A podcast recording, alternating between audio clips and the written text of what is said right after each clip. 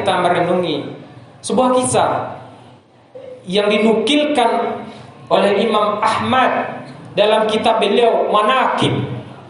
Manakib Imam Ahmad.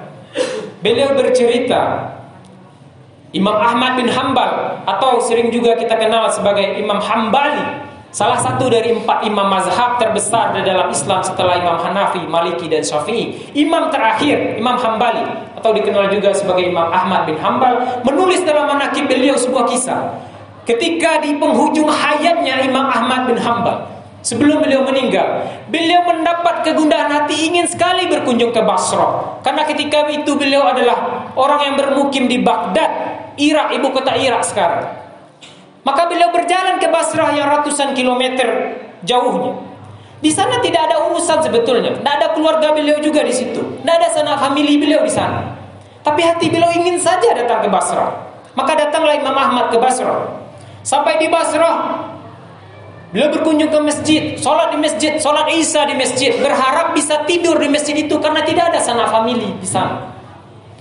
Tapi ketika beliau belum hendak tidur, datanglah penjaga masjid mengusir Imam Ahmad keluar dari masjid. Keluar ya Syekh, keluar. Si penjaga masjid tidak tahu kalau ini Imam Ahmad. Padahal Imam Ahmad adalah imam yang terkenal ketika itu. Beliau imam mazhab yang terkenal di penjuru Baghdad, bahkan di dunia. Tapi karena belum ada televisi, belum ada surat kabar, orang tidak tahu wajah Imam Ahmad. Yang tahu namanya saja, Imam Hambali, Imam Ahmad bin Hambal. Karena beliau juga tidak ingin memperkenalkan diri keluar dari masjid.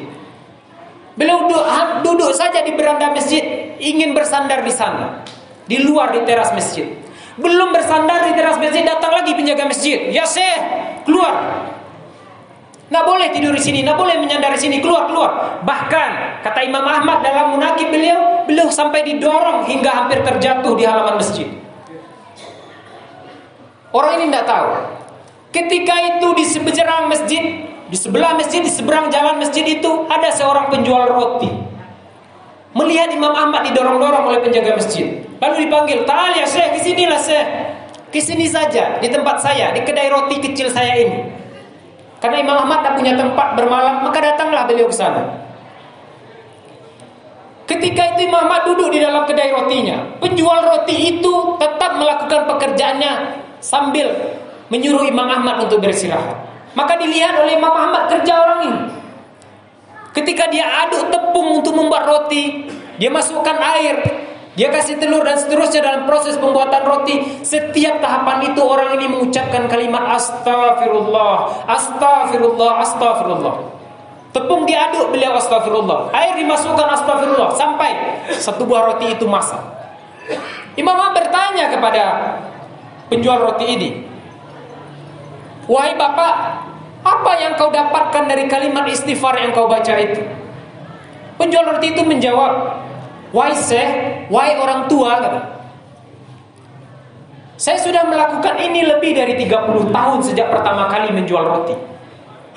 Selama itu pula, setiap doa saya kepada Allah Subhanahu wa taala selalu dikabulkan.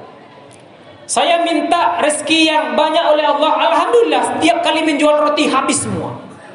Saya minta anak yang berbakti, alhamdulillah saya dikasih anak-anak yang berbakti. Saya minta untuk sehat, tidak terhindar dari terhindar dari segala macam penyakit baik yang menular maupun yang tidak menular. Alhamdulillah sampai hari ini umur saya sudah hampir 70 tahun. Saya sehat walafiat wes. Cuma ada satu saja permintaan saya yang belum pernah dikabulkan oleh Allah. Nampaknya ditangguhkan. Apa itu kata Imam Ahmad? Saya meminta sebelum saya meninggal Saya berjumpa dengan Imam Ahmad bin Hambal Imam Hambali.